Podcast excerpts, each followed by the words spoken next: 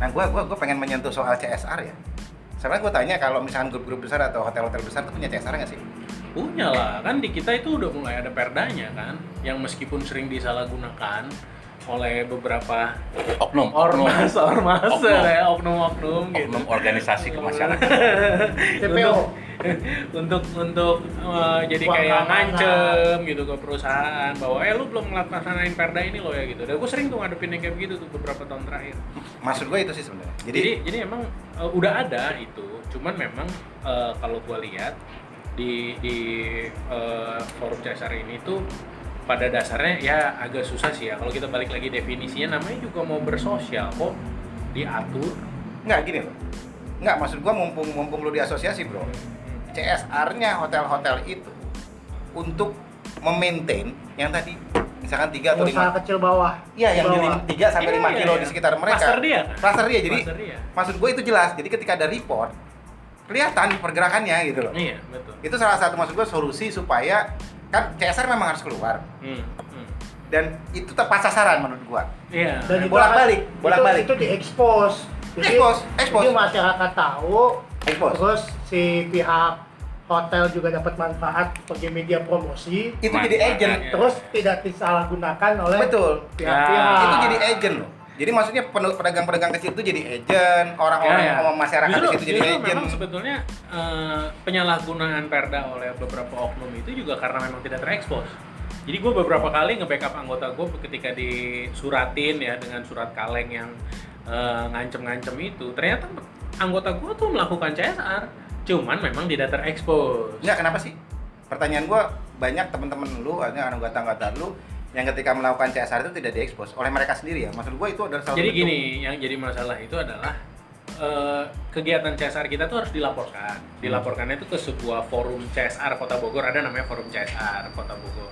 Nah, untuk melaporkan itu tuh kadang-kala anggota gue tuh ya antara sibuk kali atau antara kelewat lah, kelupaan gitu loh. Nah itu tuh nggak ngisi data, sementara para oknum itu tuh ngambil datanya dari situ, dari hasil pelaporan di paham. Heeh. Tapi maksud gua kenapa nggak? Pertanyaan gua adalah kenapa nggak diekspos aja? Artinya gini, nggak apa-apa andai kata laporannya terlambat, tapi itu adalah satu keuntungan perusahaan kalau lu mengekspos karena gua tahu hotel-hotel besar atau restoran besar pasti mereka punya teman-teman di media. kalau itunya sih sebenarnya mah dilakuin bro diekspos Hmm. cuman tidak masuk ke dalam list pelaporan forum CSR Kota Bogor beda ya lu ngerti ya maksud gue ya Ngerti sih. jadi mereka eksposnya adalah ekspos untuk kegunaan Promosi. promosi, juga gitu dan itu kadang-kadang promosinya lebih ke internal. Iya, Itu dia maksud gua. Harusnya as- harusnya nggak sa- satu lagi nih. Nih nih nih, nih gue sih mm, mencoba mengusulkan bahwa entah itu PHRI mau bergerak sendiri atau dia sama BPPD, tapi itu harus di harus dinaikin, Diekspos. diekspos. Hmm. Eksposnya tuh memang bener-bener bener-bener merata gitu. Maksudnya eksposnya besar supaya informasi itu keterima sama masyarakat. Hmm. Jadi terus terang ya, yang tadi gua hanya karena kenal lu aja sebagai ketua PHRI, tapi gua orang awam ketika Iya, gua iya. dapat informasi bahwa oh PHRI punya program kerja bagus. Terus eh, eh, CSR-nya sudah sudah diarahkan gitu sama teman-teman di PHRI untuk untuk membangkitkan ekonomi sekitarnya, ekonomi kecil sekitarnya. Kan itu menjadi menjadi nilai tambah sebenarnya. Jadi orang gua pasti akan mereferensikan ke teman-teman gua nanti yang mau buka restoran kayak mau buka hotel kok tinggal ngomong lu ikut PHRI deh, itu lihat programnya bagus dan mereka pun otomatis gitu loh. Iya. Oh, kayaknya lucu nih gua kalau masuk PHRI karena programnya ada di aplikasi. Ah, di, di web. Ah, itu dia. itu. Nah, itu, itu, kalau kalau kalau menurut gue ya nggak nggak nggak bisa di nggak bisa disangkal ke depannya harus kayak gitu. Kita kalau bicara keterbatasan waktu orang, wah itu udah pasti lah sekarang. Gue nih lu bilang nih, no lu ada nggak sih yang nyosialisasiin dan segitu ya? Gue kepi- kepikirannya tuh lo apa? Cost man. Gue mesti hire orang. Terus pencapaiannya berapa besar? Maksudnya Gua udah yakin. undang wartawan bayar lagi. sama juga kan kalau kayak begitu grabbingnya kayak apa nggak bisa terukur juga. Kan gitu. Jadi emang mau nggak mau mesti lari arahnya ke sana. Meskipun tetap kalau menurut gue balik lagi nih kesimpulan gue adalah ini nggak bisa jalan sendiri. Memang mesti dibungkus barengan meskipun tetap effortnya mungkin paling gedenya ada di gue. Dan gue yakin teman-teman pasti harusnya mau. Karena apa? Oh feedbacknya juga secara bisnis terukur. Oke kan gitu. Jadi Nah, ini masukan dari masyarakat awam buat PHRI. Kan kalau PHRI kan khusus anggotanya, kalau kita kan anggota masyarakat. ya, ya, tapi tapi memang seru sih kalau ngomongin soal enggak karena terus terang di sini bicara soal teman-teman dari hotel dan restoran yang besar ya maksud gua biarpun mereka goyang apalagi yang punya grup besar di mana grupnya itu tidak hanya bergerak di bidang hotel doang Iya, atau iya. bergerak di restoran doang di mana mereka gua sangat yakin bahwa habis covid ini pasti akan bisa recovery Iya. walaupun dengan segala kesusahannya ya tapi gua iya. hal-hal seperti ini kan memang harus di drop dari sekarang gitu loh Ya, ya. Nggak, jangan- jangan sampai telat gitu loh. Mumpung punya banyak waktu. Benar, ya. Banyak waktu luang. Iya, jadi harus berpikir ulang. eh, nggak, soalnya gini, kadang-kadang Indonesia kan telat. Seperti soal COVID aja penanganannya kan telat. kadang-kadang. Iya, Mak. ya, ya sorry maksud gue gini, kita ambil contoh ini mah ini mah intermezzo lagi ya. Ambil contoh kalau yang gue baca itu kan kayak di Surabaya ketika Januari itu sudah mempersiapkan si Bu Risma sudah mempersiapkan UMKM-nya yang mana siap buat bikin masker, udah datanya udah bagus segala macam. Jadi ketika mereka ada UMKM tetap bergerak untuk Tapi produknya bikin ganti, APD iya. walaupun walaupun itu tidak membantu banyak tapi minimal udah bergerak Iya, iya. sehingga secara ekonomi paling tidak di bawah tuh settle gitu loh minimal mereka masih bisa ngasih ngasih kar- kar- karyawan nah maksud gua ini memang lagi covid kita lagi lagi stres untuk untuk Hmm. mau jalan tapi harus dipikirkan karena setelah gelombang ini ada gelombang ekonomi Ya, betul. Nah, sekarang mah kita udah tahu, kita nggak bisa ke mana-mana. Cicing lima, mikirin restrukturisasi, bagaimana caranya tetap bisa hidup karyawan kita. ya. Tapi paling tidak nextnya harus apa? Nextnya ini yang menurut gua sudah mulai ada obrolan-obrolan gitu loh dari teman-teman terutama pelaku bisnisnya sendiri gitu. Iya, iya. iya. Jadi Apa emang kalau kalau yang tadi lu bilang itu gue yakin pasti di, dipikirin semua sekarang. Cuman kadang-kala balik lagi nih, Bro. Aduh, udah deh ini dulu aja. Aduh, udah deh ini dulu aja. Nah, makanya tuh perlu juga gue makanya gue keluar nih dari dari dari grup orang yang bermasalah sama ya. Gitu. untuk untuk supaya bisa paling nggak tuh dapat input buat gue nya nanti pada saat temen-temen anggota gue udah mulai eh, bisa keluar dari zona pusingnya dan itu kita langsung sodor barangnya ini loh gue kemarin ngasih ngobrol kayak begini kayak begini kayak begini kayak begini. Diskusi nggak terlalu panjang sisanya eksekusi. Ya. kalau itu gue pikirnya itu sih bro. Kalau gue rasa. Tinggal tinggal dikemas bagaimana caranya supaya bisa eh, tereksekusi dengan baik. Soal gini ya, soalnya soal. Ini ini di samping lu ngomong begitu, gue juga pengen sih kita juga kayak ngomong-ngomong ngumpul-ngumpul begini ya. Mungkin nanti setelah kita bicara begini, lu coba nanti ngobrol sama teman-teman yang lain, Hmm. apakah itu mau lewat zoom kek, apa mau lewat apa kek. Ya, ya, ya. Tapi maksud gue gini, minta input lah ya eh, salah satunya adalah untuk mempromosikan bahwa kita bangkit bersama. Ya. Jadi semangat maksud gua- bersama ya brother ya. Iya, Semangat maksud bersama. itu itu dibikinin strategi promosi berbareng. Jadi gini Hmm. maksud gua seolah-olah nanti diinisiasi sama apakah itu asosiasi PHRI, apakah BPD atau apa, itu tuh jadi kayak gaung, jadi kayak gema. Soalnya gua ada ada di grup teman-teman WA grup yang di IO juga mereka lagi lagi coba ngobrol untuk strategi promosi mengenai eh, bangkit bersama.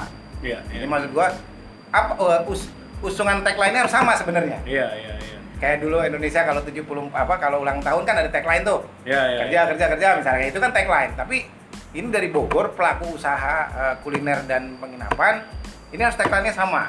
Iya. Dikompakin sama, dikeluarkannya sama, terus strategi untuk eh, itunya juga sama. Iya. Gitu. Nah, maksud gua disahkan aja. Jadi ini habis itu bentuk satu bangkitnya itu bisa woro-woronya tuh jelas gitu. Jadi masyarakat, oh ya, gini, itu psikologis yang tadi lu bilang, secara psikologis Hmm. ketika ada gema itu semangat positif. Hmm. Itu Dan- triggernya. Triggernya di situ, maksud gue jadi ya Bangkit ya, bersama. Bangkit bersama gitu. betul. Enggak enggak usah gue Bukan gue bangkit Sanjaya lah ya. Saya barusan baru ngomong itu. Bangkit Sanjaya. Itu ke mana ya? Oh, Nggak, nggak, dulu ya. siapa sih Bang Senjaya? 80-an. Gua, oh 80-an. Gua belum 80-an. lahir. Iya, Wah. dia habis dengerin dia habis dengerin Rollis soalnya Nggak ada Bangkit Sanjaya. Ya, enggak, angkatan Itu Bangun. Sugito itu. tapi kan angkatan itu Ya, ya, ya, ya. Advent bangun. Aduh, kalian ngomong apa? Gua kan anak milenial. Ya, ya. Aduh. Milenial. Berarti berarti eh, berarti podcast berikutnya pembahasannya itu ya. Ya, jadi kalau gua lebih Bagaimana caranya kita merealisasikan tagline Bangkit kita bersama. bangkit bersama untuk Bogor tadi ya? Nggak, jadi maksud gua kan kalau kita concern di di, di promosinya, Bro.